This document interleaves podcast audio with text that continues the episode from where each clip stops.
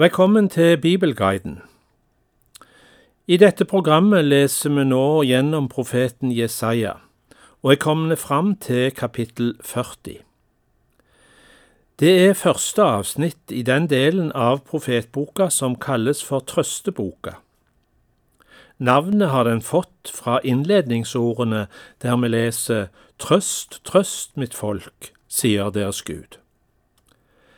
Trøsteboka er talt inn i en historisk situasjon som er forskjellig fra den vi hører om i første del av Jesaja-boka. Språk, stil og tema er òg tydelig forskjellig. Vi rykker mer enn 100 år fram i tid, og det asyriske verdensriket, som da var den store fienden da Jesaja levde, er nå erstatta av det babylonske riket. Juda og Jerusalem er erobra av Nebukaneser, og jødene er ført i fangenskap. I denne delen av Jesaja-boka hører vi om at befrielsens time nærmer seg, og jødene skal få vende tilbake til sitt land. En ny hersker trer fram, nemlig perserkongen Kyros. Det er han som lar det jødiske folk vende tilbake til Jerusalem og bygge opp igjen landet og byen.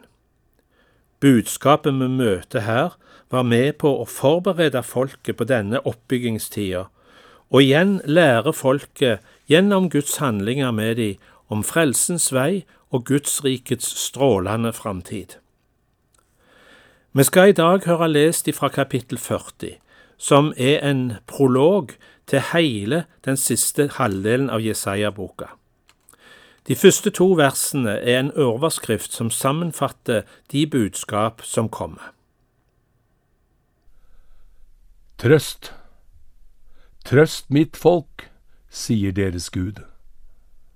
Tal til Jerusalems hjerte og rop til henne at hennes strid er fullført, at hennes skyld er betalt, at hun har fått dobbelt fra Herrens hånd for alle sine synder.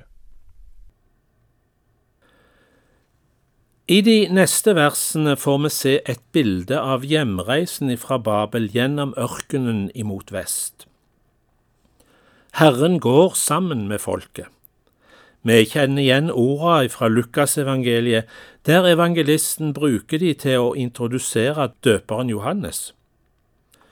Igjen møter vi ord som både taler om den nære framtid som angikk folket i fangenskapet i Babel, men som òg peker fram mot Messias, som skal komme til frelse for alle folk.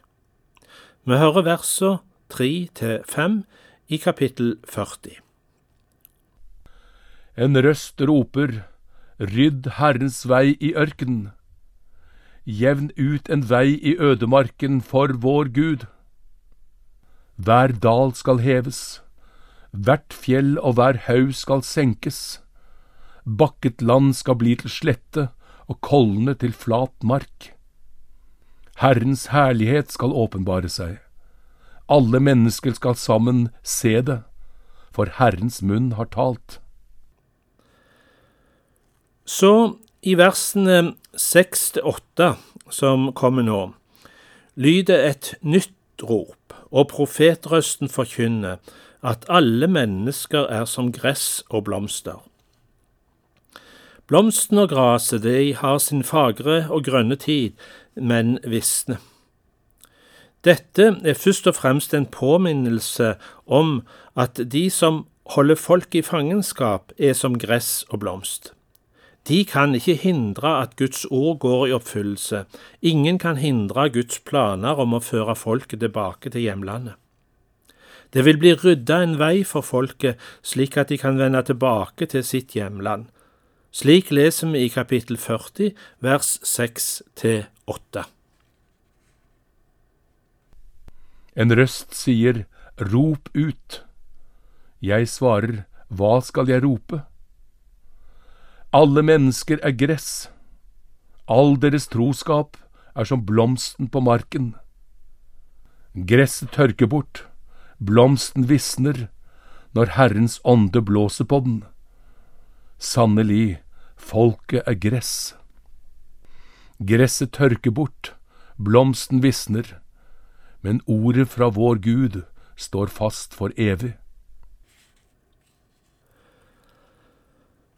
I de neste versene, versene 9 til 11, kommer et tredje rop til folket i fangenskap. Og dette er trøstens ord, eller et gledesbudskap, og det er Sion eller Jerusalem som skal rope ut budskapet til de andre byene i Juda og oppfordre de til å se Gud og det han har gjort, og hvordan han kommer med styrke. Han kommer med si lønn.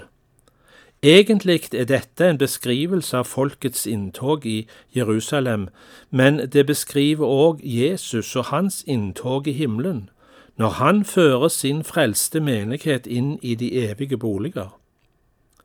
Vi leser versene 10 til 11 i kapittel 40 i Jesaja-boka. Gå opp på et høyt fjell, du Sions gledesbud. Løft din røst med kraft, Jerusalems gledesbud. Løft din røst, vær ikke redd. Si til byene i Juda, se deres Gud. Se, Herren Gud kommer med styrke. Han hersker med sin arm. Se, hans lønn er med ham. De han vant, er foran ham. Han gjeter sin flokk som en gjeter. Han samler lammene med armen, løfter dem opp i fanget, leder søyene. Vi har hørt gode løftesord fra Gud, talt til fedrene i gammel tid, men det er òg ord til oss, for ordet fra vår Gud står fast til evig tid. Velkommen til neste program i Bibelguiden.